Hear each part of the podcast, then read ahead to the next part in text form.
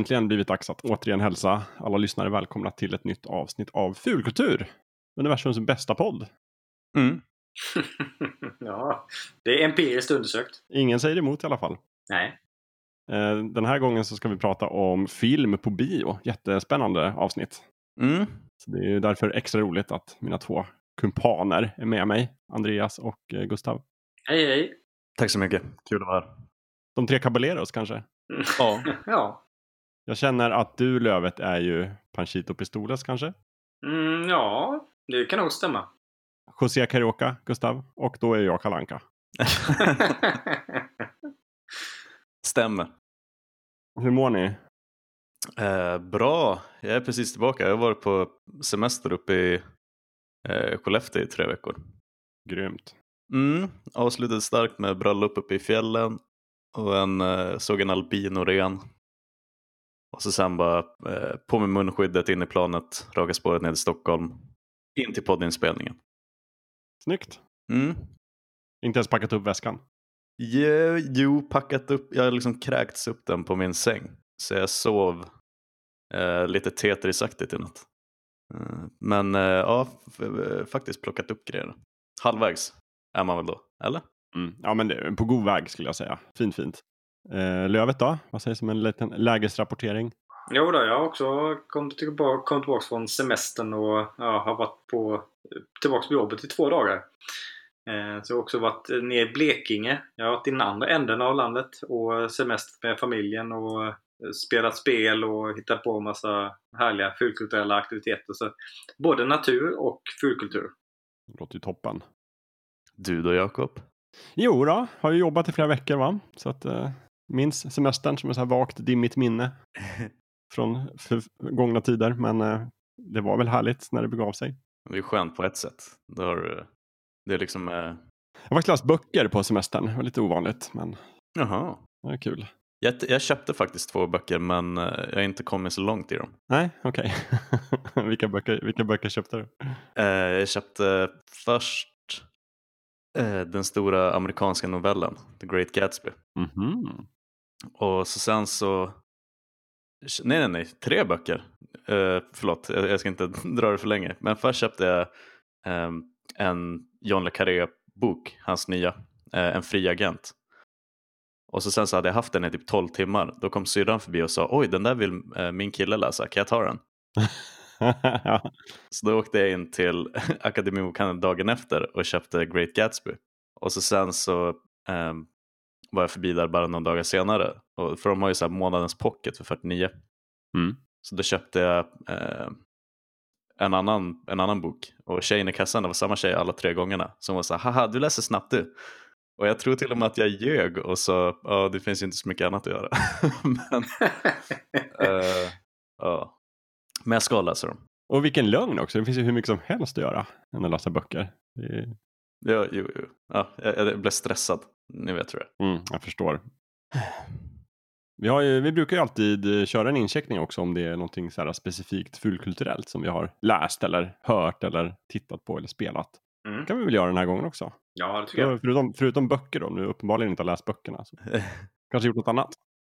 Ehm, ja, jag har faktiskt, jag vet att du också har gjort det. Kolla på Perry Mason på Absolut. HBO. Vilket jag snackade om förra gången vi spelade in också. Men nu har ju alla avsnitt, det är ett i veckan, dealen på den. Och, och nu är alla avsnitten släpps. Så nu är vi klara med säsong ett. Och jag tyckte att det var riktigt, riktigt bra på det där mustiga sättet som man vill att eh, deckare ska vara. Sjukt imponerad också av Matthew Rhys i huvudrollen som Perry. Jag tyckte att han var fem av fem material hela vägen igenom. Mm, jag tycker också det. Världen Emmy skulle jag säga. Ja, verkligen. Jag hade inte, det har varit många bra prestationer liksom, sen den senaste Emmy-galan, men jag hade inte klagat om han tar hem det. Inte jag heller. Vad tyckte du?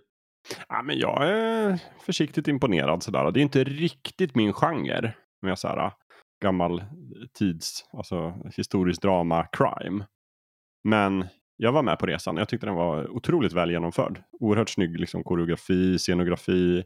Som sagt, skådespelarna fantastiska. Så att bra och bra stämning. Även om det inte liksom är, träffade mitt i prick för mig. Men jag, jag uppskattade den. Mm. Det var också, eh, också kul att se, för det är ju paret Downey, alltså Robert och hans fru, som har producerat tror jag, eller deras produktionsbolag. Och jag tror till och med att Robert Downey skulle spela Perry Mason från början, men att det var någon sån Jaha, eh, schemakonflikt som ställde till det. Men det är ju lite en lycklig, eh, alltså lycklig krock på något sätt, för annars hade vi inte haft Matthew Riss. Tänker lite på att, alltså jag hade inte tackat nej heller, men det är lite som den här Gandalf-frågan, att jag hade inte tackat nej till Sean Connery, men jag är väldigt glad att det blev Ian McKellen. Jaha, jo precis. Jag har så svårt att tänka, jag, jag får ju bara upp direkt att han skulle spela karaktären precis som han spelade eh, sin Sherlock Holmes. Ja, ja men att det hade varit samma lite excentriska. Mm. Ja, precis. Nej, det var bra. Väldigt imponerad över just uh, skådespeleriet i den serien. Så tio avsnitt är det väl? Åtta kanske? Mm. Finns på Amazon Prime. Nej, HBO. Finns på HBO Nordic. Eh, exakt. Och det kommer en säsong två också så att man kan hoppa på den nu. Och så har man någonting att längta efter. Jättebra. Har du gjort något mer? Eh, jag har spelat... Eh... Nej, vet du vad? Jag har faktiskt inte spelat Säg nej på den frågan. Eh, helt torrt på den fronten. Uh, uppenbarligen har jag inte läst några böcker. Eh, jag har sett, eh, jag kan väl avrunda och säga att jag såg Project Power på Netflix igår. eh, innan jag somnade i soffan. Och den får nog två av fem, svag tvåa. Det är den med Jamie Foxx och Joseph Gordon-Lewitt. Ja, just det. När de tuggar i sig piller och får superkrafter i fem minuter. Spännande koncept. Vet ni om den baseras på en serie, ett seriealbum? Nej, det vet jag faktiskt inte. Uh, ja, skitsamma. Men ja, kan vara. Men de uh, slarvade bort premissen helt och hållet. Jag tyckte inte att den var bra. Som Netflix original. Jag har för mig, jag, jag har sett en recension, Youtube-recension av den och de påstod att eh, det är ett, ett populärt manus som har, eh, det har varit eh, kohandel om eh, under lång tid. Ja, Alltså. Net- Netflix som vann den i slutändan så att eh, det kanske inte är en, en serietidning eller bok eh, i grunden. Ehm, Men jag är inte helt hundra. Den kändes oinspirerad liksom. Och man kunde verkligen se att de hade kunnat göra mycket mer med konceptet. Men um, fan vet du vad det påminner om? Ehm, Hancock med Will Smith. Ja, just det. Alltså tala om en film med ett spännande koncept som de liksom slarvade bort. Mm. någonstans halvvägs. Och det här var samma feeling. Den var ganska, det kändes som att det hade behövts en halvtimme till för att fläska ut storyn. Men jag vet inte om jag hade velat ha en halvtimme till av den filmen. Mm. Så det är lite, du vet, damned if you do, damned if you don't på den. Ja, precis. Jag förstår. Misslyckat. Vad synd. Men eh, Netflix, de släpper väl en ny film imorgon. Så att, ja. Can't win them all. Can't win them all. Nej. Men, men eh, eh, eh, vad fan säger man? Gläd mig med era, eh, med era överraskningar Mm. istället. Ja, kanske jag kan hoppa in där då. Med, apropå det här med budkrig om filmer så har jag ju sett den här filmen Greyhound med Tom Hanks i huvudrollen. Ah, just det. Som eh, till slut då efter coronaepidemier och alltihopa fick premiär på Apple TV+. Det var Apple som vann budkriget. Men många var intresserade. Eh, Men Apple köpte den från Sony tror jag som har producerat filmen. Och den hade då premiär på deras streamingtjänst. Och det är ju en andra världskrigsfilm Mm. baserat på eh, konvojerna över Atlanten. Och Tom Hanks spelar då som vanligt en, en ganska helylle person som gör sitt bästa. Trots, trots kriget. Ja men trots kriget och sådär. Du- Jag tycker den var ändå var... Du utmöpade ju mig när vi snackade om den filmen på, eh, på Slack tidigare, för några månader sedan. Ja, för att du tog fel på havet. Jag tog fel på havet. Jag sa att det var Stilla havet och då kom det in och sa nej, det här är Atlanten. Sådär, inte för att vara den, men det är ganska låg nivå av mötande. Nu, Det var slaget om Atlanten. Eh, Jocke, Benett sitter och gnuggar tinningarna nu. Nej men det var ju kul för att det, vi, vi kom väl också in på det när vi sa att eh, Dan Carlin, alltså Hardcore History-podden som alla vi älskar, att han gjorde ett extra avsnitt med Tom Hanks när han intervjuade honom i en timme. Eh, Precis. och då snackade de också om Greyhound. Men filmen var bra alltså. Ja, men jag tycker det. Jag såg den tillsammans med min, eh, min fru. Hon tyckte absolut inte den var bra. Eh, Jag tyckte den var jättebra. Den, den är ju verkligen liksom, det är ju typ en enda lång liksom, slag egentligen. Så, så att den har inte så mycket kanske dramaturgi i det fallet. Men de, de ville ju verkligen visa hur, hur stressigt och hur farligt det var på Atlanten vid den här tiden. Och det gjorde de med besked. Så att jag, jag gillade den. Eh, och om man, om man lyssnar på den där intervjun då med Don Carlin så hör man ju att Tom Hanks är ju i allra högsta grad involverad i liksom även hur de har gjort filmen. Även om man inte har regisserat den så har han ju verkligen varit involverad och aktiv. Inte bara spelar huvudrollen. Ja, det var himla, man blir ju alltid, när jag tänkte på det när jag lyssnade på, på podden, att han är ju lika helylle som han verkar. Ja, verkligen. Tydligen. Ja, Tom. Han är en skatt. Som också fick corona, men han återhämtade sig. Det, han var ju tidigt ute. Han han och frugan Rita Wilson. Mm. Så det har jag gjort. Men sen har jag faktiskt också sett en tv-serie, också på Apple TV+.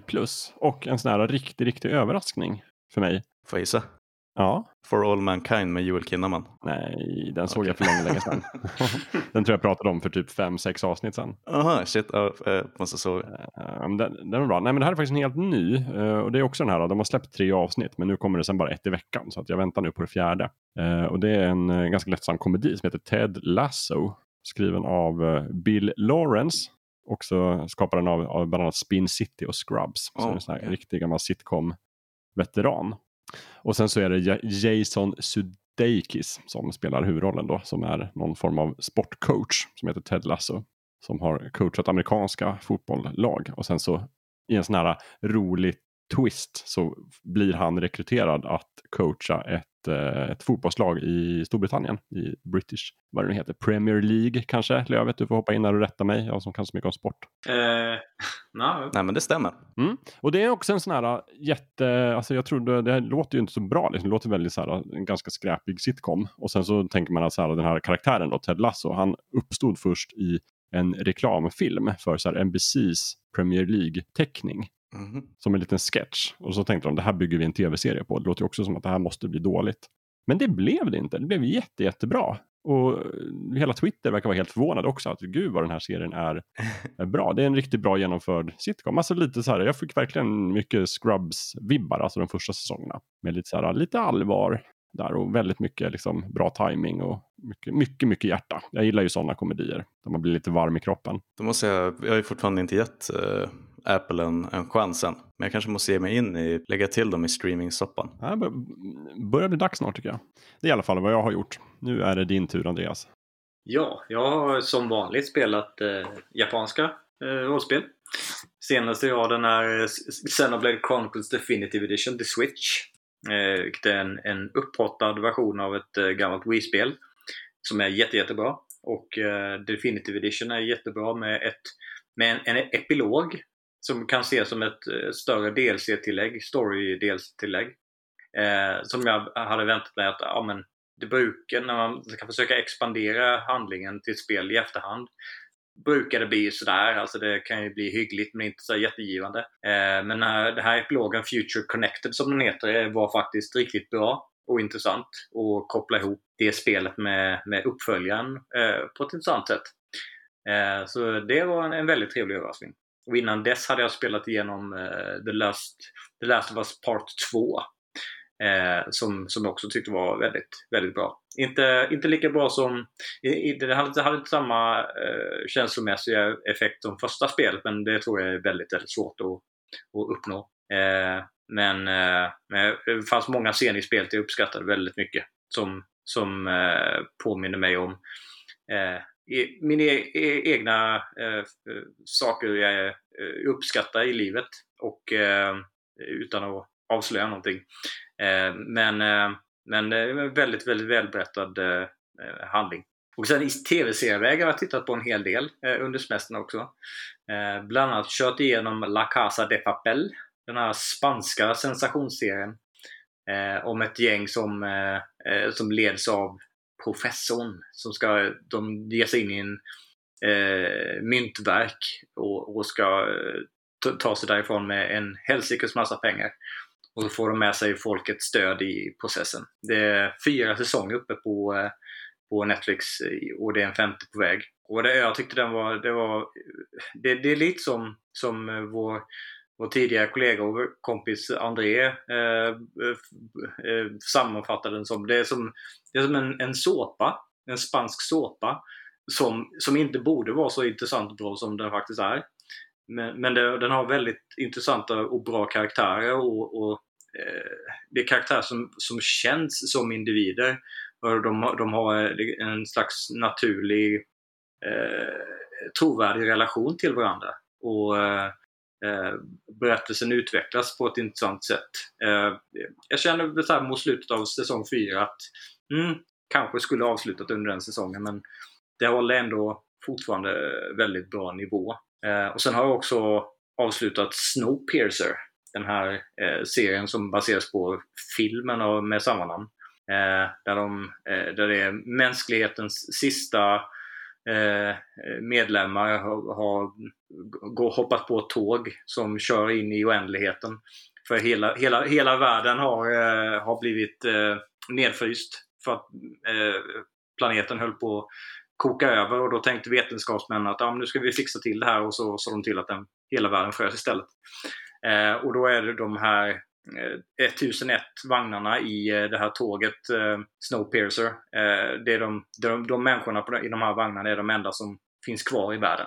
Och så får man, det är lite en, sån, en klass, klassresa också. Man, de, de människorna i de olika vagnarna tillhör olika klasser i samhället och sen så eh, händer det saker som, som involverar både eh, mord och utredningar och klass, eh, klasskamp och annat. Det tycker den är också. Eh, den är bra och den, eh, den matchar filmen utan att vara identisk. Så, jag håller hög nivå. Gillar den.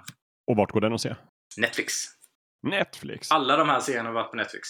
Okej, så du har haft ett riktigt Netflix-maraton? Jajamän. Det har varit eh, dåligt med HBO och eh, Amazon på senaste. Mm. Härligt. Uh, ja, då har det väl blivit dags för mig att liksom lite grann försöka presentera och rama in kvällens ämne. Mm. Men eh, om man har läst vad avsnittet heter så vet man ju redan att det kommer handla om film på bio. Mm. Och inramningen är väl ungefär så här om att vi gör någon sorts liten lägesanalys för hur biografvärlden mår. Och kanske mera pratar om upplevelsen av att gå på bio. Vad det är som gör det speciellt eller inte speciellt. Och sen så ska vi försöka liksom kontrastera det mot den nuvarande situationen där liksom biograferna håller stängt. Man går ju inte på bio längre på grund av covid och så vidare. Och sådär kommer de strömmande tjänsterna ta över, etc. etc. Hur kommer det bli? Hur ska det vara? Hur önskade vi att det skulle vara? Är, är det ungefär rätt sammanfattat här? Mm, Mm. det tycker jag. Absolut. En sorts... Eh, eh, vi slänger ett, vitt, eh, ett bre- ett brett nät. Brett och vitt nät. Men runt en plats och en upplevelse, vilket vi kanske oftast inte gör. Vi brukar liksom fokusera på en genre eller ett verk, men nu är det verkligen så här ett, ett fenomen som vi ska prata om. Ja, Mm. Det ska bli kul tycker jag. Absolut. För ni är ju båda riktiga bio... Biorävar. biorävar, precis. kan man säga. Man kan ju inte vända ryggen till innan ni går på bio. Medan jag då eh, kanske går mer sällan nu för tiden i alla fall. Mm. Mycket sen jag fick barn och sådär så är det, det blir inte lika ofta. Liksom. Jag går kanske en gång i kvartalet i vanligtvis. Men jag är periodare, men jag tror nog att, eller både jag, både jag och Lövet är nog duktiga på att gå på så kallad ensam bio. Mm. Den här stigmatiserade eh, lyxen som är ensam bio. Hur har ni rört er fram till det? Jag antar då att ni njuter av att gå på bio ensamma. Har ni liksom skakat av i det stigmat med någon sorts resa? Eller har ni alltid tyckt att det har varit så himla skönt att gå ensam på bio? Nej, det, för, för min del är det först på senare år jag har börjat gå på, på bio själv. Eh, när det är någon film jag verkligen vill se och vill uppleva bioupplevelsen av den filmen. Mm. Eh, och det är ingen annan som eh, är sugen eller har möjlighet och då är det bara äh, då, då går jag själv istället. Det är inga konstigheter. En gång i tiden hade jag också det här stigmat att nej, men det, det är ju lite känns lite sunkigt att gå på bio själv. Det, Ja, men, lite, lite skämmigt. Lite skämmigt, men så det, har jag, det har jag släppt faktiskt. Det, Ja. Nu tycker jag det bara är mysigt att gå på bio oavsett om det är i, i sällskap eller själv. Även om det är såklart är trevligare om man har eh, fellow eh, biofantaster eller filmfantaster att att se dem. Men det är lite som det här med att, eh, alltså att sätta sig på typ en uteservering själv, eller en bar och ta typ en öl. Um, att det, det är lite samma grej. Det är också någonting jag har lärt mig att göra för övrigt. Mm. Eh, men eh, det var nog när jag flyttade till Stockholm tror jag. Och att det blir lite mer av ett projekt kanske när folk ska ta sig från olika håll och kanter och olika tåglinjer. Um, och det är så här, men fan jag vill bara se den här filmen. Och att det finns någonting med att inte bara gå på bio men att uh, spontan gå på bio. Typ efter jobbet en onsdag. Och så sen så ger man en film en chans som man inte hade, alltså om det bara är de här stora gruppaktiviteterna. Då blir ju de här uh, väldigt stora filmerna som man har sett fram emot. Um, men, men om man bara går på bio ensam mitt i veckan då kan man liksom ge eh, den nya, den senaste versionen av eh, liksom, The Girl with the Dragon Tattoo en chans. Mm. Och så behöver det liksom inte vara, då betalar man ju lite mera för skillnaden från att slå på någonting på Netflix på något sätt. Eh, och det kan det vara värt. Jag hade supermånga fina minnen när vi hade, när alla vi jobbade på Geeks, när vi hade kontoret inne där på Kungsgatan. Eh, då hade jag flera, flera gånger när jag gick från kontoret där vid typ femtiden, satte mig på Scandic Market, tog en öl, sen stack jag vidare till eh, Sergel på Hötorget och gick och kollade på bio. Sen åkte jag hem. Det var helt underbart. Ja, ja det, jag, gjorde, jag gjorde också den resan några gånger. Det var fantastiskt. Väldigt bra i timing där. Liksom. Man kunde sluta Mm. jobbet vid fem, hinna ta en öl, gå in på bion vid sex och ändå vara hemma liksom, innan solen gick ner. Exakt. Det är fint. Mm. Ja, för mig hänger, jag har också liksom, när jag går på bio oftast, eller sen jag fick barn så har det nog blivit mycket det här att jag går på bio ensam. Dels för att det är så otroligt svårt rent praktiskt att liksom dra ihop sina vänner och liksom mötas vid rätt datum när man kan och sådär. Utan för mig då har bion snarare blivit så här när man får den här lediga kvällen helt plötsligt. Åh, vad ska jag göra? Då går jag på bio själv och ser någon film. Och det är inte så viktigt vilken film det kan vara utan då kan man gärna ta den här som, ja men den här verkar spännande. Men på, när jag var liksom yngre då var det nog det här stigmat med att gå ensam på bio. Det hörde nog mycket för mig ihop med att man bodde i en småstad. Att det var liksom så här, det fanns en bio och man kände ju alla i stan. Så att det var väldigt liksom, var, man, var väldigt, Tänk om någon hade sett man dig. blev väldigt exponerad liksom när man gick på bio Ja. själv. Stockholm är en helt annan sak. Så det är väl därifrån kanske man har byggt upp den här, att det är faktiskt en riktigt njutbar upplevelse att gå på bio ensam. Men sen tror jag också att vi hade något, eh, eh det är en uppe i Skellefteå, eh, så är det ett sånt, alltså som man ofta ser på eh, torget, som har blivit liksom sånt Skellefteå original. Och han, är, han har liksom inte missat en enda biofilm de senaste 25 åren skulle jag tippa. Ja, han går på alla filmer. Ja, alltså, jag tror jag aldrig har varit på bio i Skellefteå utan att han är i salongen typ. Mhm. Ehm, ja, sa- du vet, sanning modifikation. Men Ja, jag tror också att det är det att när man var yngre och alltid kollade på bio med sina kompisar så var han alltid där och kollade ensam. Ehm, så det kan också ha varit det som påverkar liksom att ja, men bio det är man i grupp. Eh, annars blir man ett torg original på något sätt. Ja, jag vet inte. Men eh, det har ju skakat av mig som sagt. Det är skönt att vi alla verkar ha gjort det då i alla fall. Och fler borde göra det. Det är ju verkligen en sån här grej som inte alls borde vara eh, få liksom så här, huh? går du på bio ensam? Men eh, ja, man ska få upptäcka sådana grejer. Man, man hör, jag hör ju det sällan nu för tiden också. Det är inte ofta man säger så här, jag gick på bio igår och någon bara, "Hö, gick du själv? Peka finger och sådär. Har du inga kompisar eller? Det kanske är så att det finns bara ett stigma för att folk som går på bio ensam måste hävda sig, slå sig på bröstet. Jag kan minsann gå ensam, det är inget konstigt med det. Ja, kanske. Eller så är det bara en tonårsgrej liksom. Att Eh, det är bara tonåringar som inte får gå på bio ensam. Jag vet inte. eh, kanske, jag vet inte. Härligt är det i alla fall. Ja. Om man pratar bioupplevelsen i stort då, med eller utan vänner. Vad är det som gör film bäst på bio som den gamla klyschan säger? Och är det så? Ja, alltså det, jag skulle säga att det beror på vilken typ av film det är. Det finns vissa filmer som jag eh, gärna ser hemma själv. Eh, för det är kanske inte en, en typ av film som eh, kompisar i min närhet uppskattar sådär mycket. Eller det kanske inte är en film som nödvändigtvis vinner så mycket på eh, att uppleva det tillsammans med andra på en stor duk och med andra människor i närheten. Men det, det är någonting speciellt med de här antingen konstnärligt fina, bra filmerna som, som, som är, kul att se med någon annan som verkligen uppskattar dem, den sidan av film också. Till de här bombastiska Marvel-produktionerna eller vad det nu kan handla om som, som, som är Ja, de, de får ju en extra dimension i biosalongen. Det är inte riktigt samma sak att se dem hemma som att se dem för första gången i en bio. Eh, så, eh, det, Men vad, vad beror det på då? Varför, varför är det så? Är det bara storleken på duken eller? Och ljudet? Ja, ja det är både, både storleken på duken och ljudet och att du är där med, med kompisar som kanske uppskattar eh, om det nu är, så handlar om Marvel-filmer eller vad det nu än är. Och eh, sitter där, du sitter där med din kanske ditt, eh, din, din cola och din, dina popcorn och, och bara ta in stämningen. Eh, det är inte riktigt samma sak att sitta framför TVn hemma och ha köpt på sig popcorn eller någon eh, burk eller petflaska cola eh, och trycka i sig. Det är inte för min del i alla fall. Det, det är någonting med alla de där sakerna tillsammans. Eh, den sociala aspekten och allting runt omkring filmen i kombination med bioduken och ljudet som det skapar en upplevelse som eh, så när, när man ser den för första gången så blir det, det blir speciellt ändå på något sätt. Men vi kan, om vi är riktigt flinka kanske vi kan dela upp det. Vi är ju ändå, vi har ju körkort alla tre här. Alltså för en del är väl den tekniska i alla fall. Större bild, bättre ljud än vad många har hemma.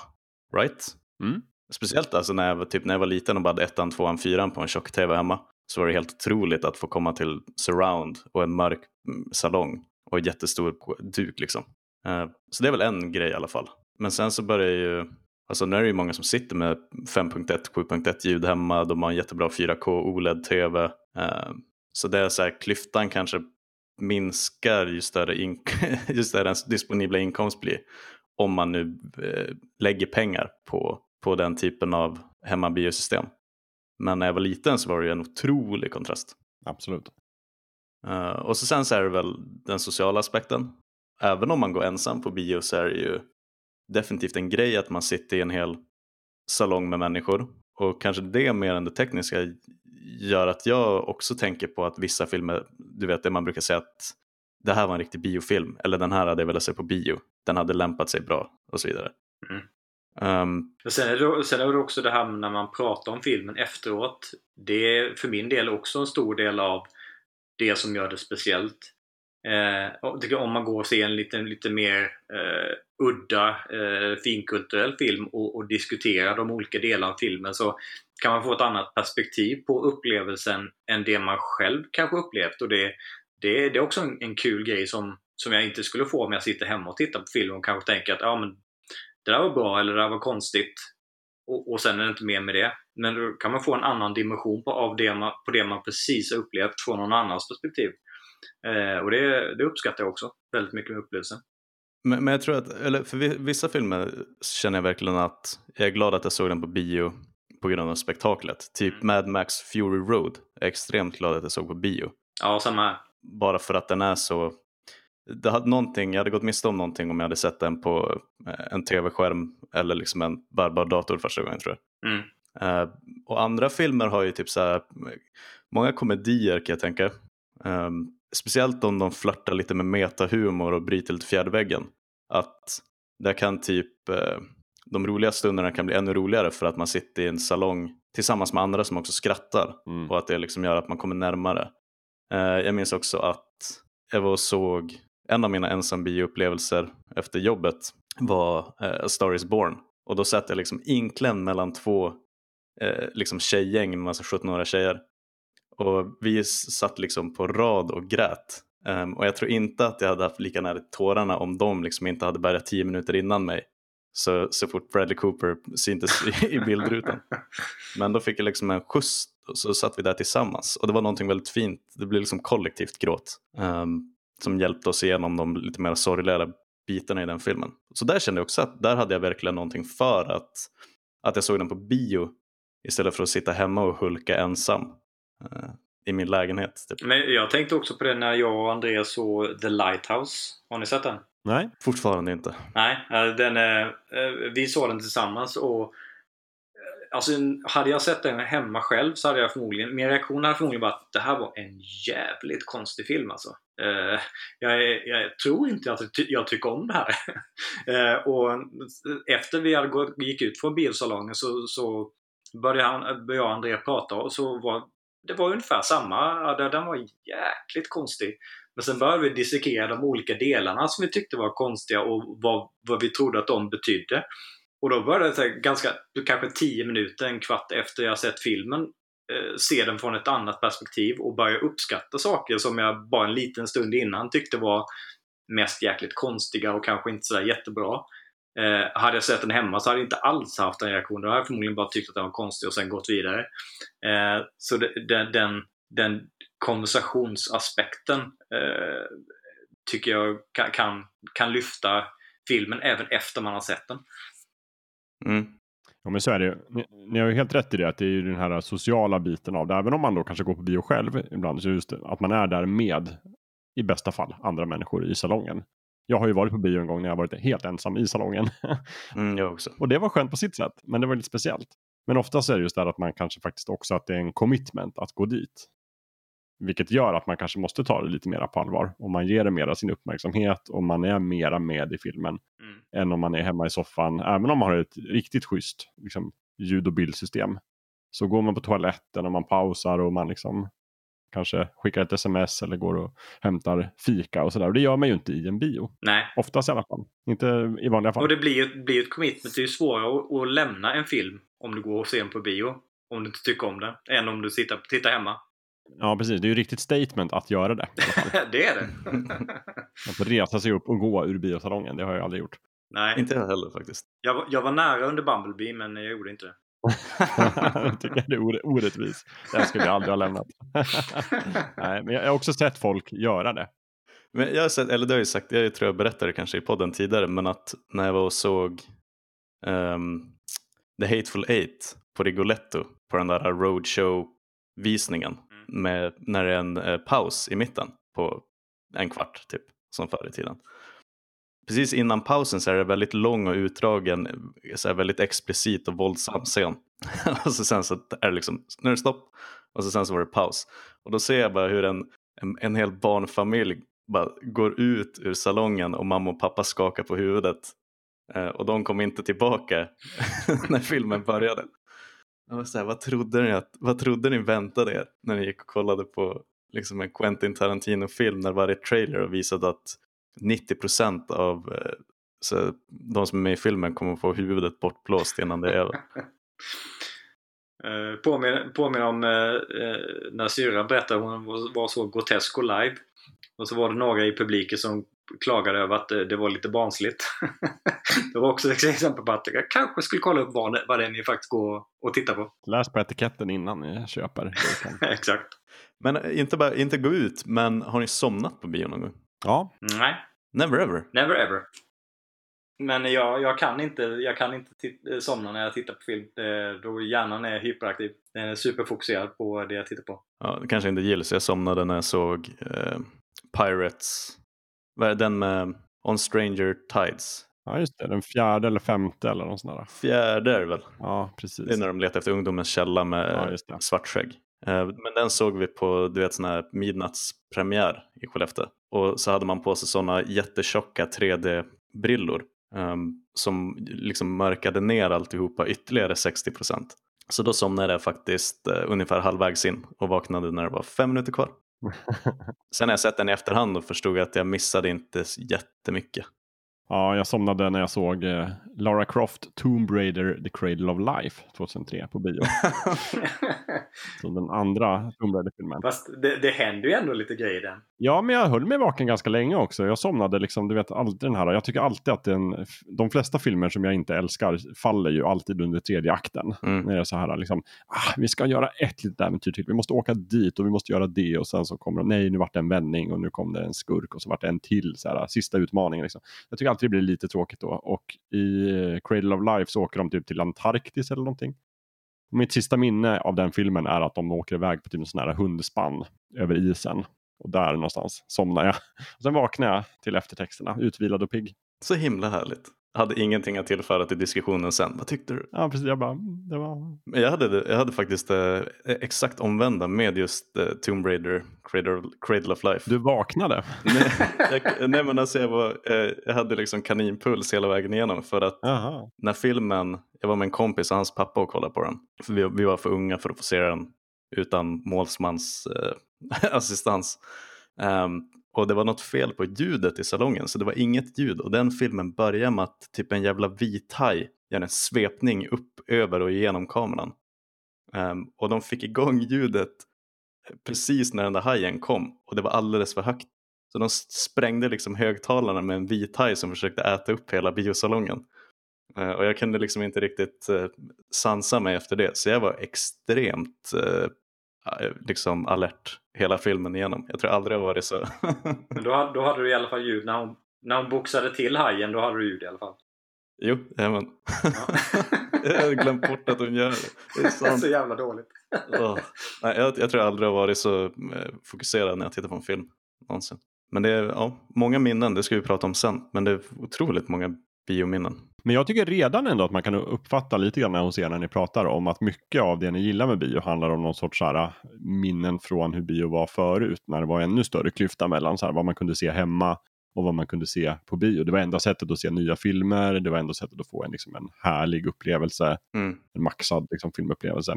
Tror ni att dagens generation, alltså de som är tonåringar idag, då, som när vi var runt 2003 kanske, när vi somnade till Tomb Raider, har de ungefär samma syn på bio som oss? Eller har det liksom, menar, det har hänt en del i världen menar jag. Har de en annan, har de samma liksom känslomässiga koppling till biograferna?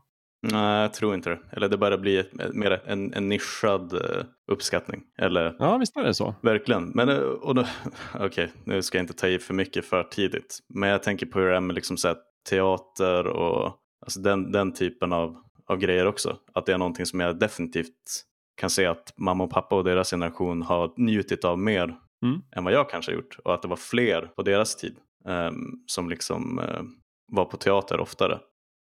Och att det kanske kan bli den grejen. Alltså, ja, vi kommer att prata om Kapitol och lite mer nischade biografer sen när vi snackar om framtiden.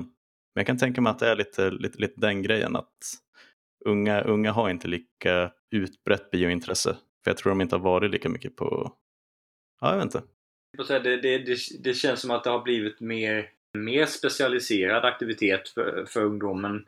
Vi nästan såg de flesta filmer som vi var intresserade av på bio kan jag tänka mig att nu för tiden är det mer, om det är en film man verkligen, verkligen vill se, så går man och ser den specifikt och streamar resten. Jag ser ju helst alla filmer jag är intresserad av på bio, om, om de släpps på bio. Eh, och sen titta på dem igen när de kommer till streamingtjänster i efterhand. Eh, jag kan tänka mig att ungdom idag går nog mer selektivt på bio eh, än vad vi har gjort eh, tidigare i livet. Absolut, så är det nog. Men jag tänker också, det är väl lite grann som just det här med teater eller liksom romanen eller alla gamla kulturformer så har det liksom, den har fått, fått bion fått mer och mer konkurrens tänker jag från liksom andra, andra skärmar och andra typer av upplevelser. Mm. Typ, jag vet inte, poddar och paintball och alltihopa som finns nu. Eh, och, det, och, det, kan man ju se dels då, liksom att, att bio har blivit mycket smalare, men tvn har ju också spelat en roll där innan. Jag menar 1943, jag läser just nu innan, innan till på Wikipedia. 1943 fanns det 110 stycken biografer i Stockholm. Oj, Mm. Jävlar! Det är helt galet. Det är någon form av rekord. Det är en på varje gathörn typ? Ja, det är en på varje gathörn. Liksom, det är som, som under Bellman Stockholm när det fanns liksom 700 krogar på 7000 människor. Det är ungefär så. Det är som en bio på 10 personer. Men då, då kanske det var 10 personer som gick på en visning? Typ. Ja, och då fanns det ju ingen tv överhuvudtaget att kolla på. Så att enda sättet att se rörligt material överhuvudtaget var på bion. Och sen då på 50-60-talet kom tvn och då var det plötsligt liksom lite mer speciellt att gå på bio. Och sen kom, eh, ja, inte vet jag, iPad och Playstation och då var det ännu mera ovanligt att gå på bio. Och sen kom strömmande tjänster och, och nu, då blir det, kommer det kanske framöver då ännu bli lite konstigare att gå på bio, eller smalare. Ungefär som man går på operan idag.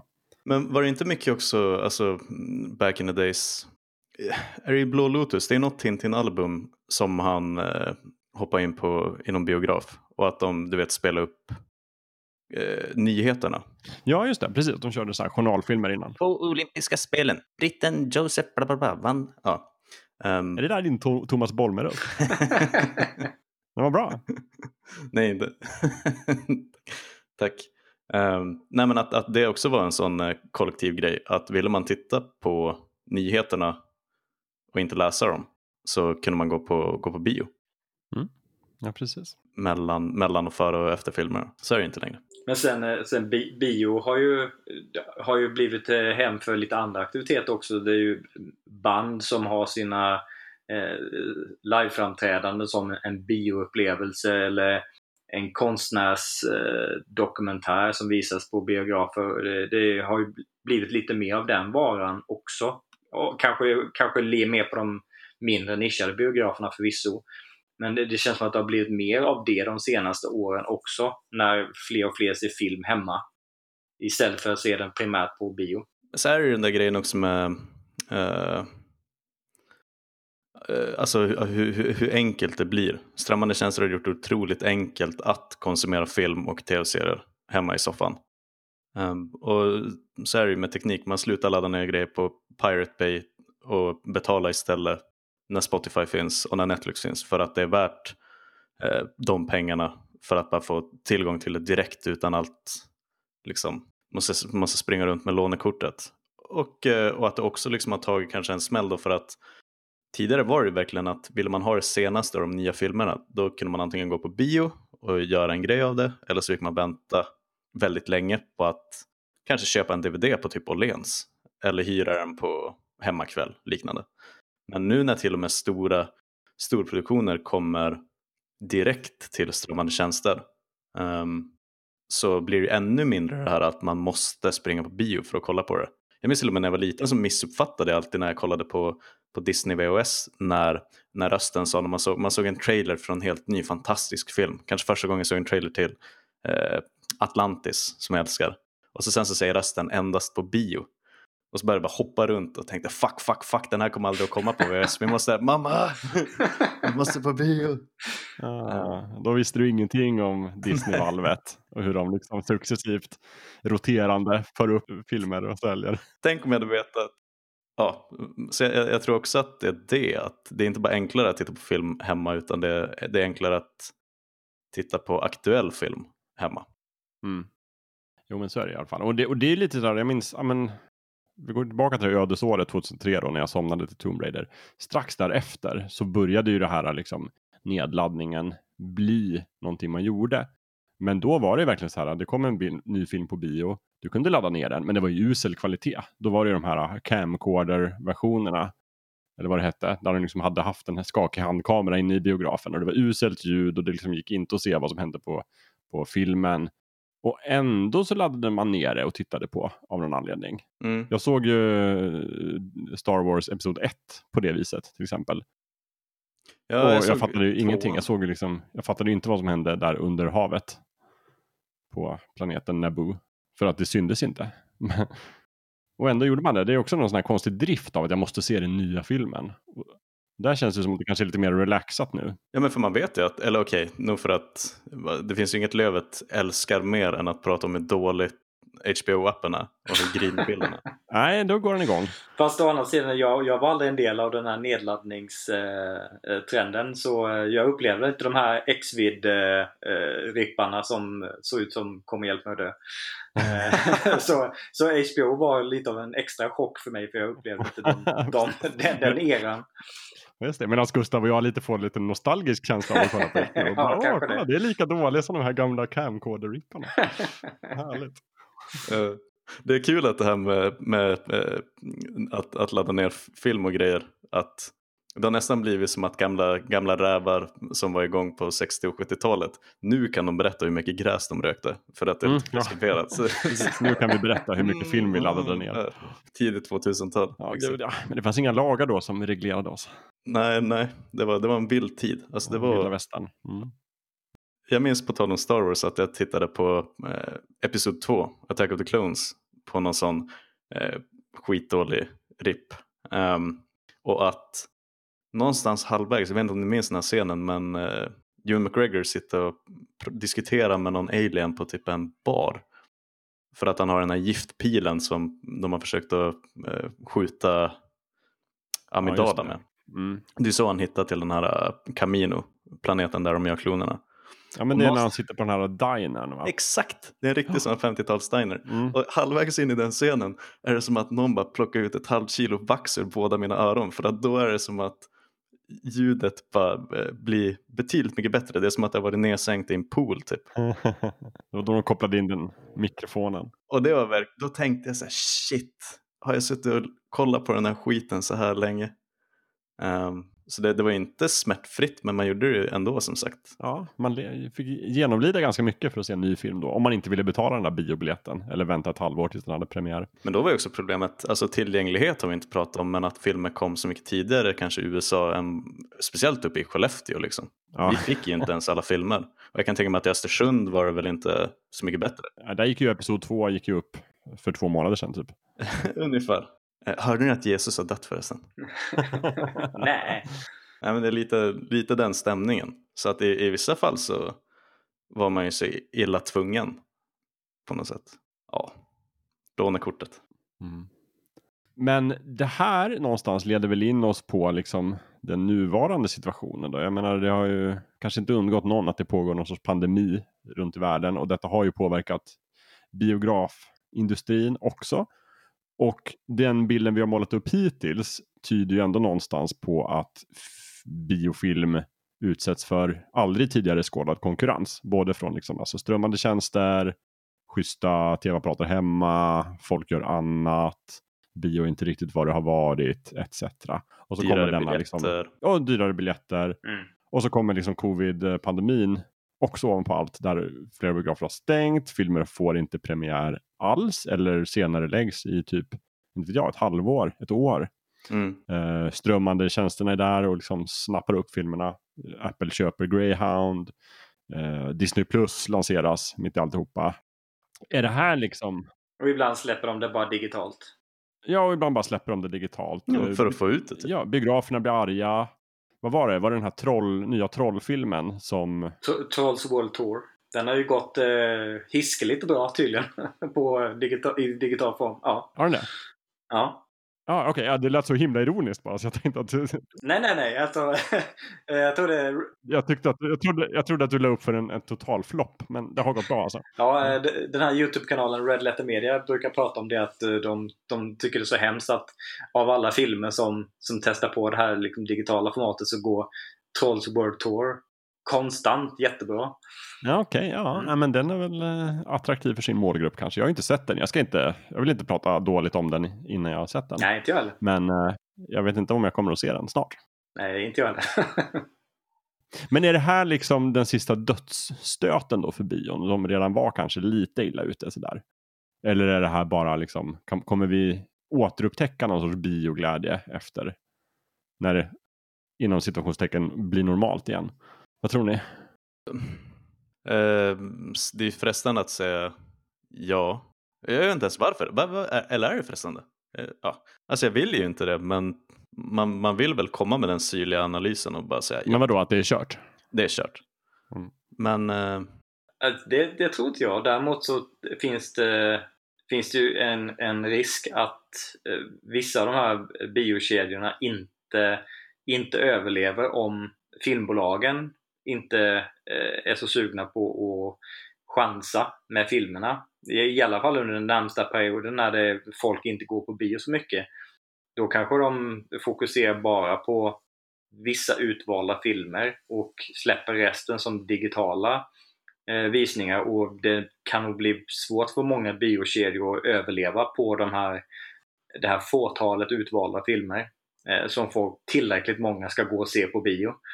Det är väl den, det är den största risken jag ser för det. För men annars finns det ju ingenting som säger att, att de inte kan göra ett större urval där de riktiga storproduktionerna som passar på bio släpps där medan de mer eh, riskfulla filmer som kanske inte har en lika stor garanterad publik.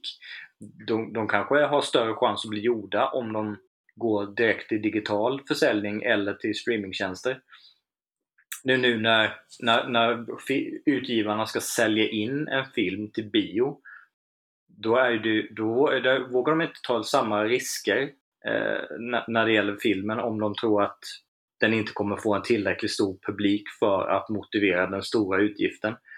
Där tror jag det finns en stor möjlighet för, för, fler filmer, fler risktagande filmer att bli gjorda om de, fler av dem går till digital format istället.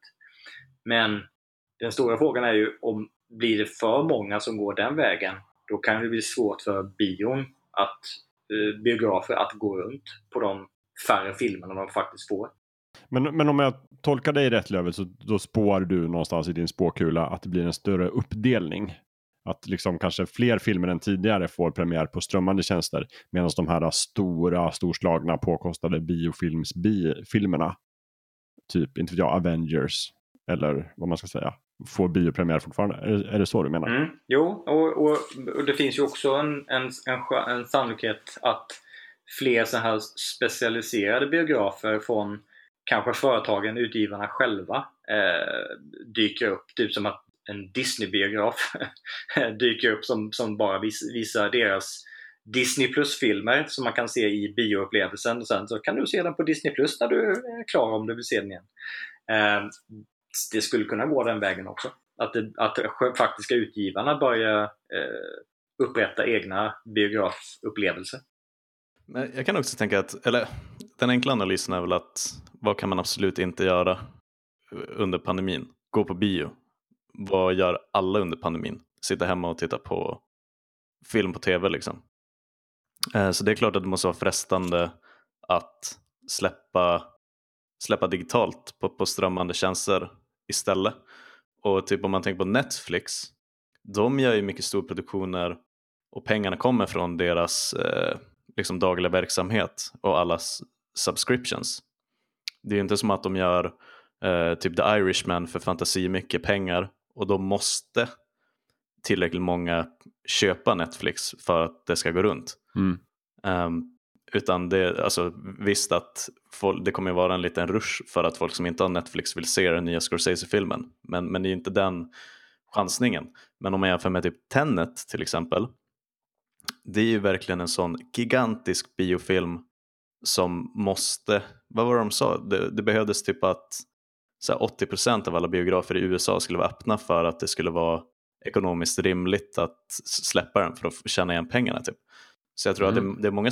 Vadå, för att den var så dyr? Ja, nej men alltså, och med all marknadsföring och, och det ena med det andra. Ja, men de, har- de har lagt så mycket pengar på den att den måste bli en succé. Liksom. Ja, men och det, det är ju det som är grejen med såna här jättestora Hollywood-produktioner, att det bygger eh, ja, men typ Marvel-filmer. Det, bygg, det bygger på att jättemånga personer kommer att gå och se den på bio. Det bygger på att en jättestor publik i Kina ska se Fast and Furious. Mm. Ja. eh, göra till de här. Så jag tror att det är många studiofinansierade filmer i år och många studior som blev tagna lite på sängkanten av eh, corona som kommer göra det här till ett väldigt konstigt år. Och så sen såklart eh, biograferna själva. Jag såg att A- AMC, alltså de är väl typ världens största kedja och det är väl de som äger svensk, alltså Filmstaden också. Fast AMC är väl ägd av ki- ki- kinesiskt företag tror jag? Ja, jo, eh, i, i slutändan uppe i toppen.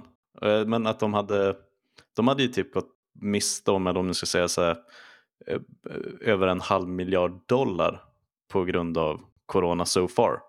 Mm. Ehm, och att de hade backat sig i princip så här 100 procent. Så jag fattar ju att det är ju helt förödande. Eh, och att eh, så står det en massa studios där som har lagt eh, liksom 100 plus miljoner dollar på en film som behöver biopublik för att känna igen det. Och att det är inte bara att slänga in den på Disney plus utan då får man istället det de gör med Mulan nu, att även om man eh, har Disney plus så måste man fortfarande pröjsa, var det 250 spänn? ja, någonting där. 250-300.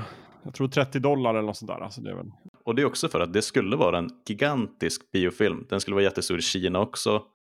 Och så sen så såg Disney och alla miljonerna skulle komma tillbaka. Och de kommer överleva om Mulan inte tjänar en krona liksom. Men, men där, det är ju till exempel på en film som inte bara kan säga blupp, eh, trilla in på, på typ Netflix utan att folk förlorar massa pengar. Nej, precis. Ja, det ska bli jättespännande att se hur det går för den där. Men det, det här måste ju också påverka, alltså historiskt har det ju varit så att om en, en biograf eller biokedja vill köpa in en film så kanske de måste skriva på att de ska köpa in vissa andra filmer från samma utgivare för att få köpa in den filmen. Mm. Eh, De utgivarna måste ju ha mycket svårare att, att kräva den sortens avtal nu när det går som det går för biograferna och eh, biobesökarna är, är så fåtal. Så det, det, det, det måste ju påverka den affärsmodellen också, i, åtminstone i närtid, eh, känner jag i alla fall. Mm. Och vilken, vilket guldläge för typ eh, Netflix nu som har supermycket pengar att säga Hej, vi ser att ni har lagt 150 miljoner dollar på den här filmen. Ni kan antingen känna igen ingenting eh, för att biografen är stängda eller så kan vi liksom vi kan pytsa in eh, 70-80 miljoner i alla fall eh, för att liksom släta, släta ut det lite om ni slänger upp filmen på vår tjänst och då kan, då kan den komma ut liksom och eh, synas och ses av folk redan nästa vecka typ. Men jag vet inte riktigt hur många sådana deals som har gjorts än men det pågår säkert jättemycket diskussioner i bakgrunden om den typen av hur ska vi försöka rädda det här projektet nu och få ut filmen. Men det, det, det hände ju redan innan. när eh, Netflix har ju köpt in eh, olika filmer som, som kanske har eh, där, där, där studion eller utgivaren har inte haft förtroende för att sälja in den till, till biografer för att det, det, det skulle kosta lite för mycket och det är för stor risk. Då har ju Netflix gått in och köpt filmerna redan innan covid slog till. Så jag kan tänka mig att det, det är nog inte alls osannolikt att det kommer bli betydligt fler sådana eh, affärer efter det här. Men, men jag undrar om man inte, inte underskattar det här lite grann. Jag menar, jag tänker att biografkedjorna måste verkligen tappa sitt förhandlingsläge på grund av detta. För jag menar den här, vad heter den här Trolls-filmen? Det är Trolls World Tour. Tour, det är Tour, uppföljaren. En, en, den andra Trollfilmen, eller den tredje. Ingen aning. En, en trollfilm. var det, jag tror det var AMC Theaters som är den här jättestora gigantiska biografkedjan som typ ägs av Universal och som i sin tur väl ägs av någon kinesisk bolag och som äger Filmstaden också, som gick i taket helt när de liksom skulle börja då, när, om det var att den kom på strömmande tjänster, nej den släpptes som digital hyrfilm samma dag som premiären. Och Universal bara så här tappade det helt och bara, nej men vi tänker inte visa, vi tänker inte visa någon Universal-film. Jaha, oj. Uh, eller AMC sa så, vi tänker inte visa någon Universal-film på bio överhuvudtaget. För vi blir så upprörda av det här. Vi är så, vi är så sårade och besvikna för att ni säljer den på strömmande tjänster. Och det är ju bara så här, ah, jag, jag kan inte, inte tänka, vad ska de göra nu då när Disney släpper Mulan på Disney+. Plus? Ska de inte visa någon Disney-film heller? Det, det, det går inte att ha den attityden, tänker jag, om man är en stor biokedja. Det, de kommer ju gå under i så fall, tänker jag. Nej, det är nog, det är nog gammal mentalitet som lever kvar där. Eh, det, det, är inte en riktigt, det är inte en rimlig reaktion med tanke på omständigheterna. Så det, det är nog gamla tankesätt som fortfarande sitter i, eh, i väggarna där. Jag bara drar ju paralleller till liksom, typ när strömmade musiktjänster kom, när, när liksom CD skivindustrin hade liksom ett liknande förhållningssätt. De bara, nej men vi tänker sälja våra skivor för 299 kronor, det tycker vi är rimligt. Mm. Och Lars Ulrich satte sig emot? Jag satt och surade.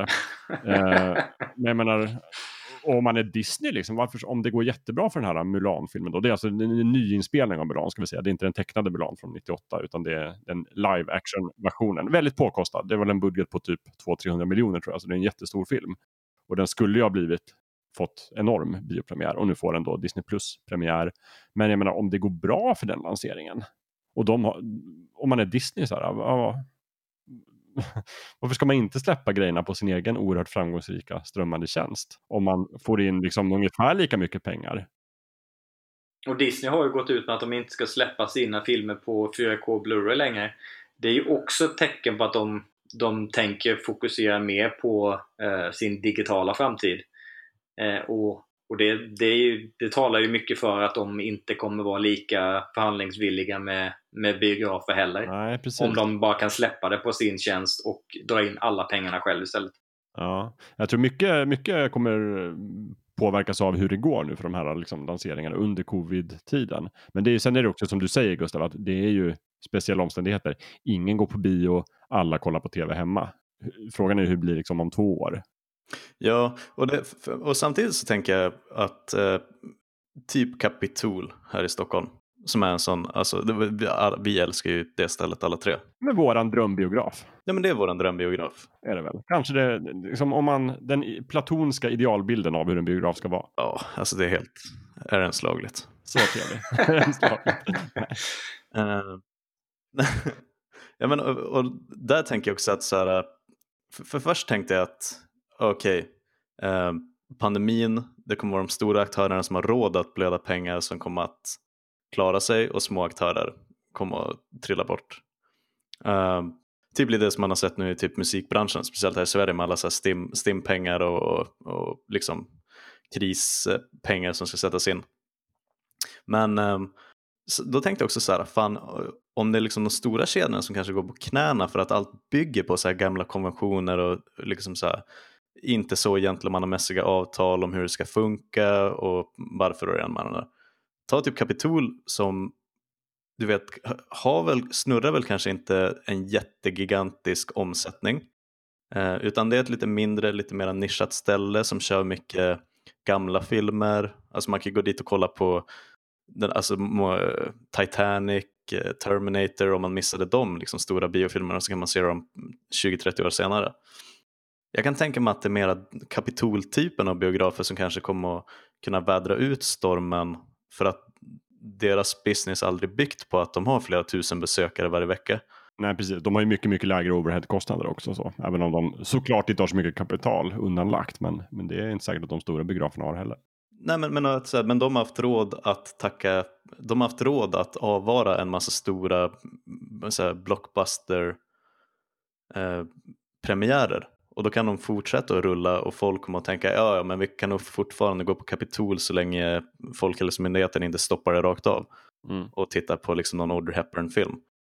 Um, och så sen så kanske man bara, då kan man välja att bara ta in, de ska ju visa Tenet nu till exempel. Det blir det. omvänt uh, mm. så att det blir Europapremiär innan det är USA-premiären. Oh. Och jag kan tänka mig att det hade varit som innan covid så hade de förmodligen inte fått en chans att köpa in en film som Tenet eh, jäms med de, de stora bio, biokedjorna. Nej men precis. Och det kan nog säkert bli, bli mer den varan att de, de faktiskt har råd att köpa in dem dels och det kanske inte kommer de här kraven på att de ska köpa in X antal av den utgivarens andra film också. Mm. Och alltså, fan, på så sätt är jag glad att även om vi nu är tre jättestora biovurmare och verkligen hoppas att eh, formatet kommer att finnas kvar. Ah. Ja, just det. Ja, men, jag, hade, nej, men jag hade glömt bort att du, inte, att du kanske inte bryr dig alltså, så mycket. Lite sådär, jag kan väl ibland känna att jag är lite less på bio för att jag tycker att de har varit såhär. Alltså, men det handlar så mycket om filmerna. Alltså, några av mina absolut bästa filmupplevelser har varit på bio, men också några av mina sämsta. Jag har varit såhär, jag tycker nog att det har varit lite sådär självgod bransch som tycker att, men vadå, se den här dåliga filmen för vad ska ni annars, vad ska ni annars se på? Och att jag hoppas ju att de ska överleva såklart för biokonceptet, för jag älskar det, det är som du säger. Men jag tycker att de kan hållas lite korta nu. Jag hoppas att det blir någon sorts omtänk i vad en bioupplevelse ska vara och vad, vad, vilka filmer som visas på bio och sådär. Det hoppas jag verkligen. Jag tycker det har varit för likformigt. Exakt, men det, för, och det är det jag tror jag, eh, för det var det jag ville komma till att det, det är nästan lite omvänt att jag var lite orolig där ett tag att um, eller så här, jag är glad att Netflix och Google Plus och alla har liksom flåsat dem i nacken och gjort det till ett väldigt attraktivt alternativ att släppa saker digitalt samtidigt eller istället för en stor biopremiär. Um, för att det kändes som att om de inte hade funnits där som ett alternativ för filmskapare att, att göra sina filmer då hade, då hade jag kanske haft den här känslan nu under corona att det hade varit det här too big to fail grejen med bankerna och liksom, eh, börskrascher. Att om de inte kan släppa filmer och tjäna ihop alla miljoner dollar på bio då kan de liksom inte då, då kan inte Christopher Nolan göra en Tenet-film plötsligt. Eh, men nu kan han fortfarande säga hej Netflix, vet du vad, jag, vill, jag har en ny idé. Interstellar 2, eh, jag vill ha 200 miljoner dollar. Mhm. Ja. Och då kan han fortsätta göra det. Liksom. Så det är skönt att det här digitala strömmande skyddsnätet har dykt upp även om filmåret 2020 och kanske 2021 till och med kommer att bära märkena av pandemin så kommer ju inte fi- filmbranschen i sig och filmproduktioner kommer ju inte att försvinna. Och så tänker jag att typ kapitolbiografer kommer att fortsätta finnas. Och om det enda, om det enda offret i den här soppan är alldeles för stora, alldeles för liksom, giriga, gigantiska eh, biografkedjor som har levt på liksom, förlegade konventioner. Om det är det enda eh, offret i det här så är ju det typ fine. Eller? Ja, men någonstans. Jag menar om man tänker så här att 1943 då fanns det, vad sa jag? Ja, en biograf på tio personer. Och idag i Stockholm så, så finns det kanske inte vet jag, vad, vad kan vi säga, är det 20 biografer max? Ja, så beroende på hur långt ut, i, hur långt ut från stadskärnan man kommer. Men inne i city så är det väl kanske. Men det finns, det finns någon i Sickla också. Så där, i alla fall. Men, ja, men inte vet jag, men vi säger 20 biografer. Det är, liksom, det är mycket, mycket färre. Och jag kan tänka mig att om, om fem sex år så finns det kanske två eller tre Oj jävlar. Du, ja. biografer istället i Stockholm. Jag tror det kommer bli mycket, mycket smalare. Och en kanske är SF. Men jag hoppas som sagt att en av dem är Kapitol och sådär. Eller så finns det flera men att de är mycket mindre och mycket smalare och mycket mera visar mycket mera udda film. Mm. Men jag är osäker på hur många Kapitol det kan, som Stockholms stad kan bära så att säga. Som visar så här gamla klassiker och, och nya filmer om vartannat. Innan vi får en hjärtattack av februari. ja, ja, men det, så stort befolkningsunderlag finns det ju inte liksom. Men kanske två, tre sådana. Men eh, och, det här kanske jag hoppas på för mycket, men om man tänker typ eh, Alltså så här, mamma och pappa kan ju reagera på att förr i tiden så fanns det liksom ett, ett fik, liksom ett café i varje liten så här glesbygdsort uppe i Norrland. Men att nu så finns det ett espresso house inne i Skellefteå istället. Liksom. Och att, att saker liksom klumpas ihop och blir lite mer kommersialiserat och drivs av större kedjor som suger upp allting. Här skulle det kunna bli lite tvärtom om man får önska. Att eh, om det nu är liksom eh, Sergel på Hötorget som faller bort och Kapitol som finns kvar och att det kanske blir eh, inte riktigt Kapitol men att det är något annat.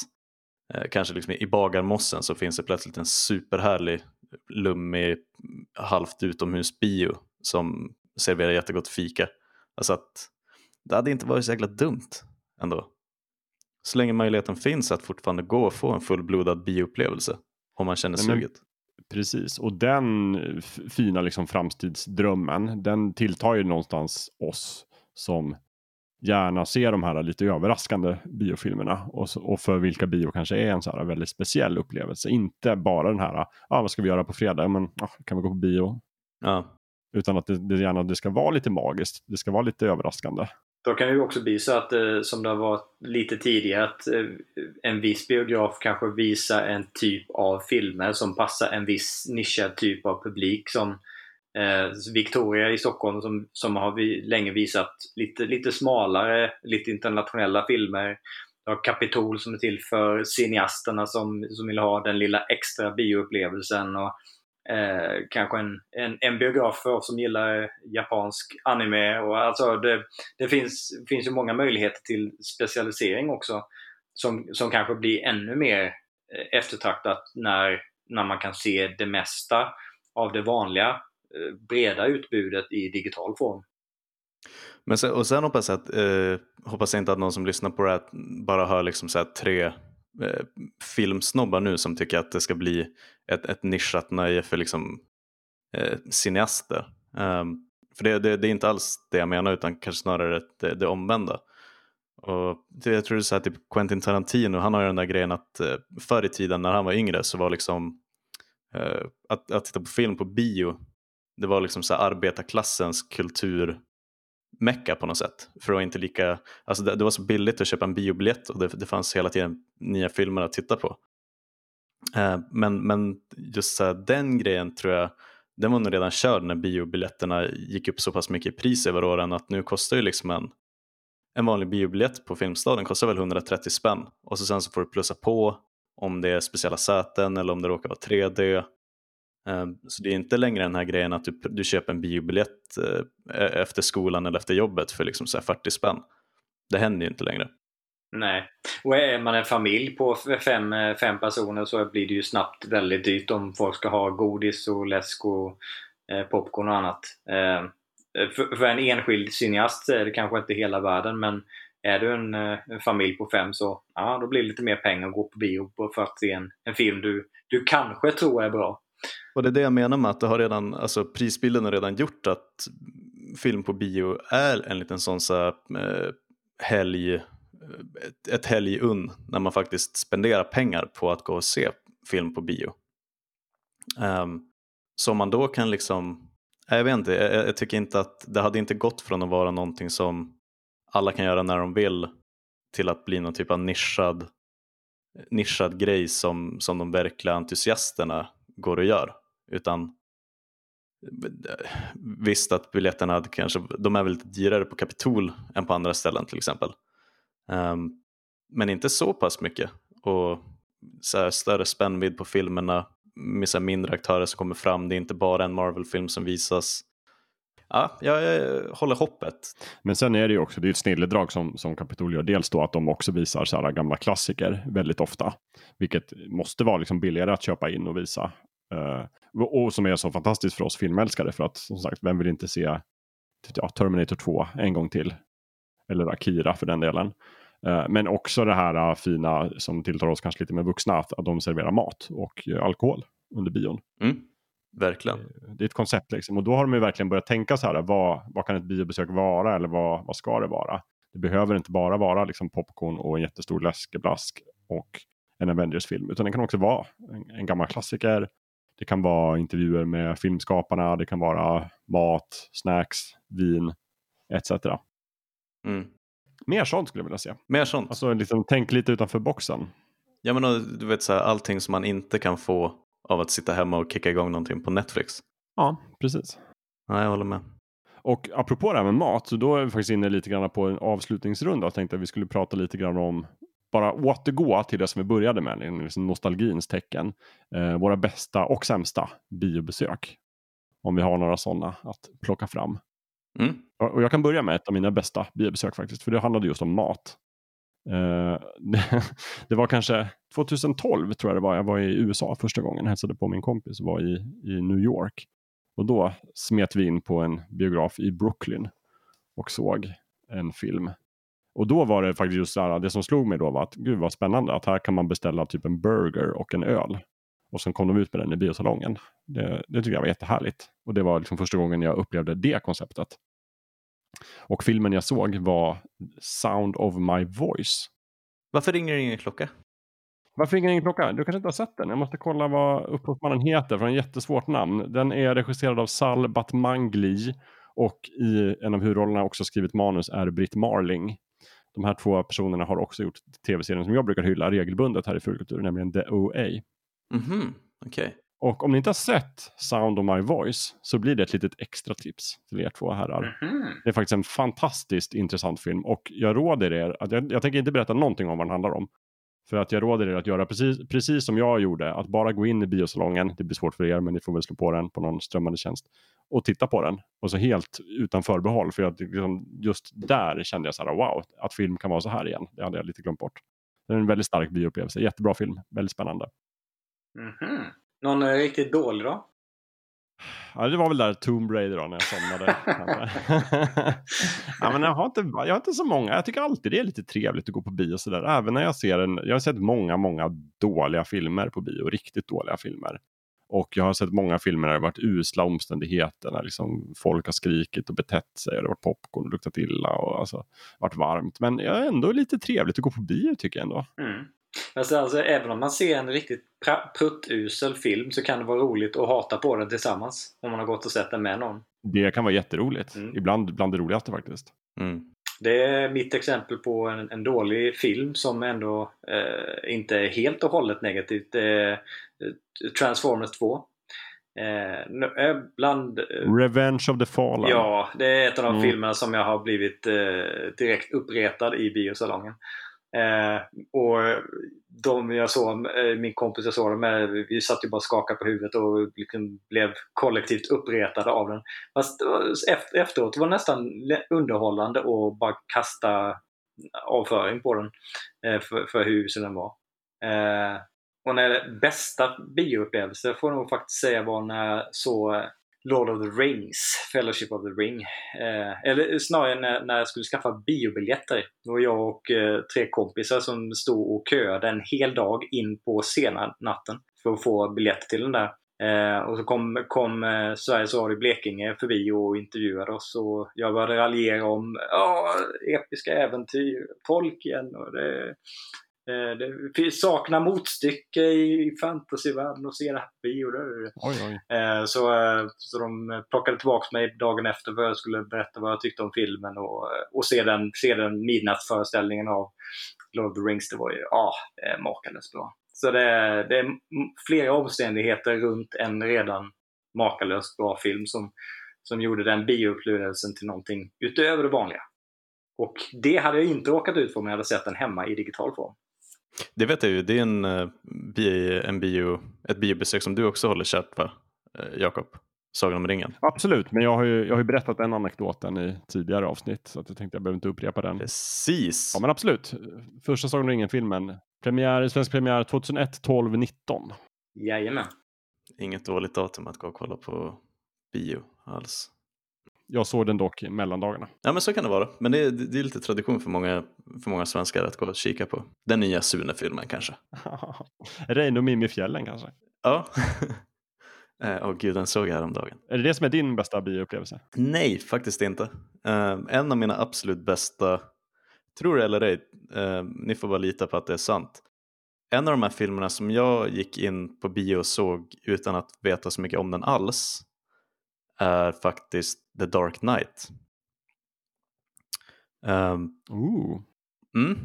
Men jag tror det bara var för att jag var liksom tillräckligt ung. Kom den 2007?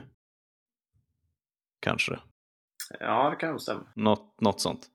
Ehm, så jag var inte liksom så aktiv på, på olika forum på internet och satt och kollade på massa liksom analyser på YouTube och jag fattade inte hur upprörda folk var över att Heath Ledger skulle spela Jokern. Utan jag kom egentligen bara från att vi hade sett Batman Begins ett par gånger på, på DVD hemma hos en kompis och tyckte att den var bra liksom och Batman är odödlig och älskar, älskar hela det universat. Så det var jag och en polare som liksom fattade att ah, nu kommer, det kommer komma en uppföljare till Batman Begins. Men mer än så visste vi inte. Och vi var helt alltså, slagna av stolen när jag var klara med den filmen. Så pass att vi gick och såg den en gång till samma vecka. Eh, så, sen fattade vi att resten av världen tyckte också att den var precis lika bra. Eh, men på något vänster så lyckades jag se The Dark Knight utan att ha, ha den här eh, hypen som jag har nu inför varje sån stor film som ska släppas, att jag vet allting om den åtta månader innan premiären. Och det är jag väldigt glad över att jag lyckades se en så pass stor film utan så mycket förkunskap om vad den skulle handla om. Um, sen har jag också en riktigt dålig är uh, Hancock som jag nämnde i början av avsnittet. För den är väldigt Uh, alltså när jag var yngre så var jag, jag var ett väldigt åksjukt barn. Uh, klarade inte av långa bilresor och sånt där. Och då, jag minns att vi satt på främsta raden. Ja oh, just det, det är ingenting vi har snackat om var man föredrar att sitta i biografen. Men uh, det kanske vi kan ta lite snabbt. Är ni långt fram eller långt bak? Långt bak. Ganska långt fram. Ganska långt fram? långt bak för min del. Ja, fan jag har blivit en långt bak kille. Jag flyttar längre och längre bak för varje år. Men jag eh, har oftast velat sitta på typ rad 5. Rad 4 och rad 5. Mm. Vi hade, det är ofta att det, stolarna blir bättre på rad 7 och bakåt eller något sånt där. Är det så? Är detta dokumenterat? Ja, i Skellefteå i alla fall. An Anekdotbevis. men du vet att i Skellefteå längst bak där, där når ju ljuset från bioskärmen lite långsammare. Ja, än om man sitter längre fram. Mm. Det vet vi På tal om Sagan om ringen. Mm. Uh, nej men så är det. Nej men uh, jag minns bara att vi kollade på Hancock och den är väldigt snabbt klippt. Uh, han flyger ju väldigt mycket och är full när han gör det. Och vi satt på den eh, främsta raden. Så det blev för mycket för mina små pojkögon att hantera. Så jag var faktiskt tvungen att gå ut halvvägs genom filmen och sitta på liksom, biotoaletten och vara i det där gränslandet. Ska jag spy, ska jag inte spy? Så jag missade resten av filmen och bara satt där inne och andades långa andetag. Tyvärr. Men där kan man snacka om, där kan man snacka om en film där trailern lovade någonting helt annat än vad man faktiskt upplevde sen när man såg filmen. Ja, jag trodde inte att jag skulle på spykänsla när jag såg, såg trailern på Youtube. Men uh, så blev det. Sen, äh, fan det är väl inte riktigt filmens fel heller, men den är ju å andra sidan inte jättebra så. Nej. Då är det tur att det inte var något bättre det, det började känna så. Um, men annars är det, det är egentligen de flesta biobesöken jag har, är, alltså som sämst där de, har de varit bra på något sätt. Jo, jag minns fan att jag var och kollade på eh, Kogänget, på tal om tecknad film, Jakob. Ja, just det. Mm. Den minns jag att jag såg och att jag var, jag var typ förvånad i biostolen av hur lite, jag, hur lite jag njöt av att titta på en tecknad Disney-film på bio. Och någonstans där kände jag typ i en kort sekund att så här, nej, jag vet inte fan, jag kanske har växt upp. Mm.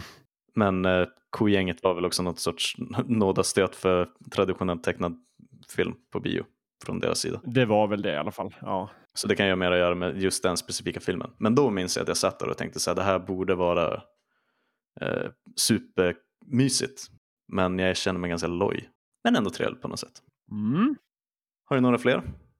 Som ni kommer att tänka på? Alltså en av mina första biobesök var väldigt starkt. Det är väl därför det ofta blir det bästa. Även om också om filmen var dålig så var det ett väldigt trevligt besök. När jag var sju år och 1987 såg Mio min Mio i oktober-november någon gång. Riktigt dålig film, sågades ju av kritikerna. Också. väldigt, väldigt, den var ju typ så här sovjetisk-svensk produktion sovjetisk, svensk, amerikansk till och med. Jag hade en budget på typ 50 miljoner eller sånt där. Jätte, jättemycket pengar. Oj jävlar. regisserad av sovjetiska regissören Vladimir Grammatikov. Och verkligen ingen tyckte om den. Alla tyckte bara så här, det här är en riktigt platt gestaltning av Astrid Lindgrens fantastiska bok. Eh, trots han eh, Batman i rollen som Jum-Jum.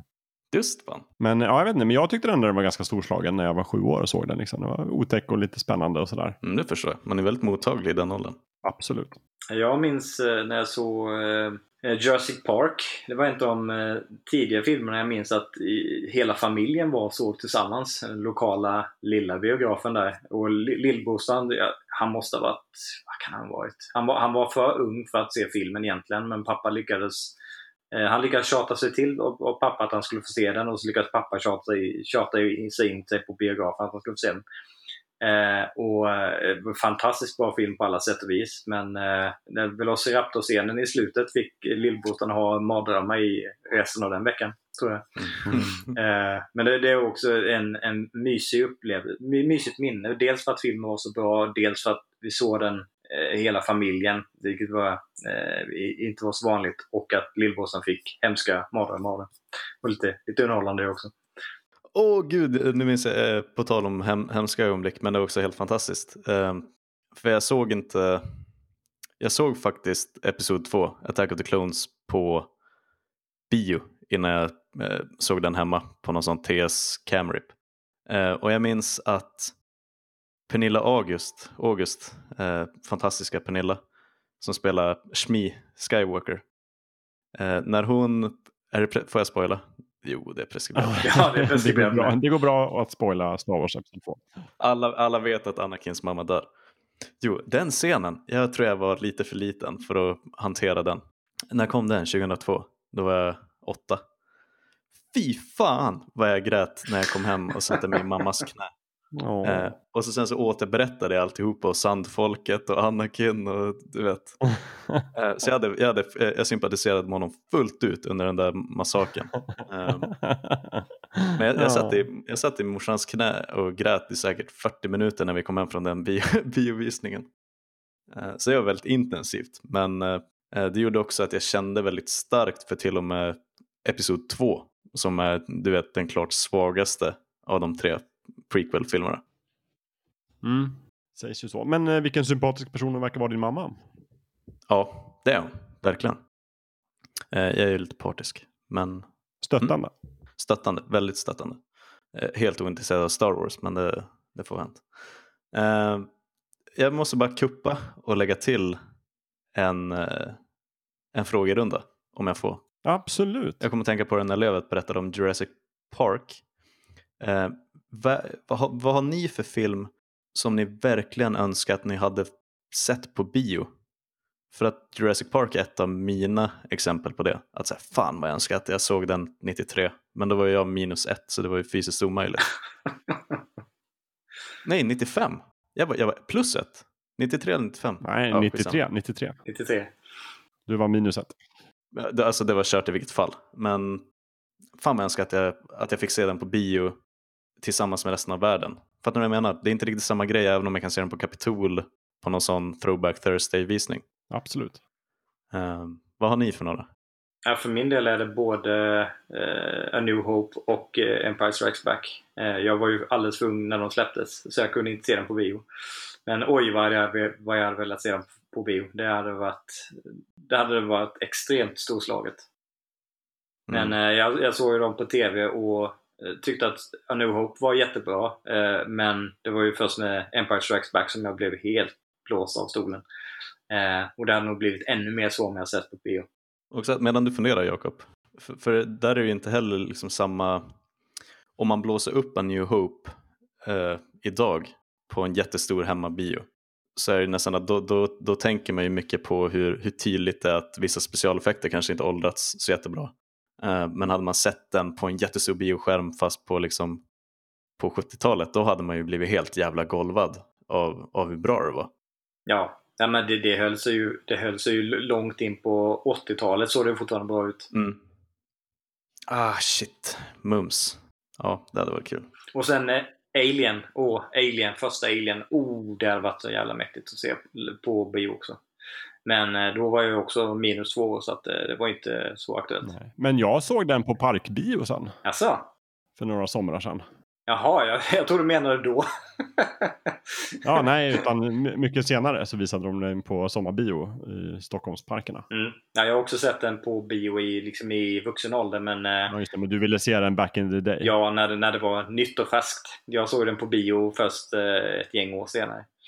Ja, men jag vet inte, det, jag ångrar faktiskt också att jag inte såg Jurassic Park på bio. Eh, för det gjorde jag inte.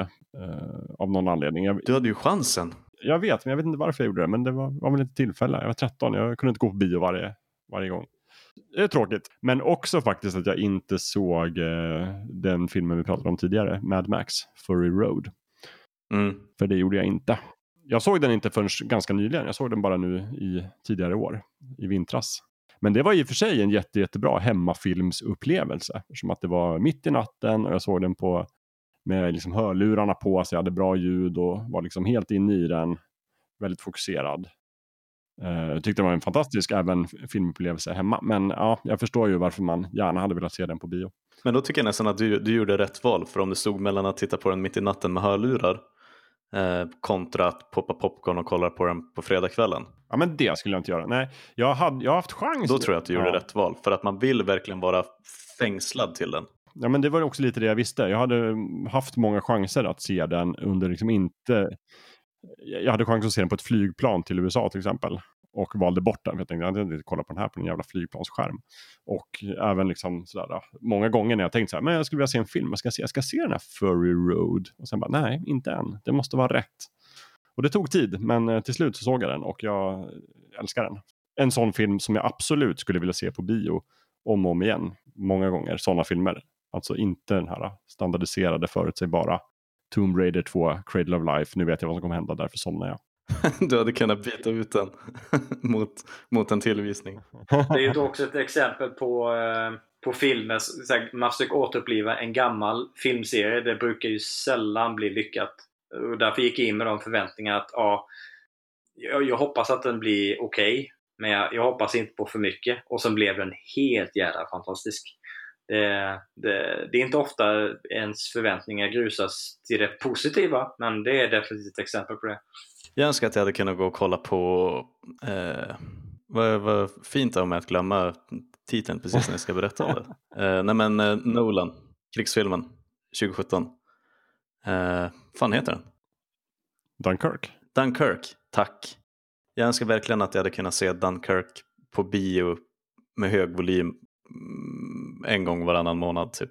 För den, eh, den hade jag verkligen lite samma som eh, Mad Max Fury Road. Att jag är så glad att jag satt i en nedsläckt biograf utan möjlighet att springa iväg och gå på toaletten för att verkligen här, maximera den här känslan av stress och tickande klocka som hela den där filmen har. Mm. Eh, sjukt bra biofilm. Även om många kanske, alltså för den, är lite så här lurigt lågmäld på många sätt. Det är inte den här stora liksom Inception-festen. Nej. Men fan vad den eh, tjänade av att eh, visas på bio. Både den och den faktiska 1917 är ju väldigt bra biofilmer. Mm, Ja, den missade jag på bio. Eh, det grämer mig så mycket. Men eh, ja, så nu har jag bara tänkt att så här, eh, den hade varit bättre på bio, men jag kommer att se den hemma någon kväll. Nej, jag vet inte, jag, jag tror jag kuppar klart där. Ja, kan, ja, inget avsnitt är ju komplett utan en liten kupp i slutet. Nej, precis. Drar, drar en så här extra anekdot eller rycker fram ett extra tips ur rockärmen. Nej, nu känner jag mig nöjd. Jag tycker det är ett ganska bra tillfälle att hålla på faktiskt. Jag stängde ju av, jag slängde ju fönstret här för att det inte skulle låta så mycket. Och det är riktigt varmt hemma hos mig så att det börjar bli dags att avrunda. Ja, samma här. Vi håller på i en och en halv timme nu. Det är det nya svarta nu. Vi kör avsnitten en och en halv timme. Det är, förut försökte vi hålla timmen, nu håller vi en och en halv timmen. Ja, men det är bra. Mera, mera podd åt folket. Eh, exakt, det är ingen som kan klaga på det i coronatider. Nej, man får dela upp det. Lyssna halvvägs. Göra någonting. Komma tillbaka sen. Yes, och har man egna liksom, åsikter om biografens vara eller icke vara så kan man ju skriva in till oss. Dela gärna med er av era bioögonblick. Mm, precis, och filmerna som måste ses på bio. Ja, för fan. Så blir vi glada. Och sen så är vi snart tillbaka igen då med ett nytt färskt, rykande färskt fulkulturavsnitt Mm. om något helt annat. Mm. Ska vi tacka för ikväll? Det gör vi. Ja, det tycker jag. Då säger vi som vi brukar göra. Puss och kram. Tusen tack. Puss och kram. Puss och kram. Hej hej. Hej.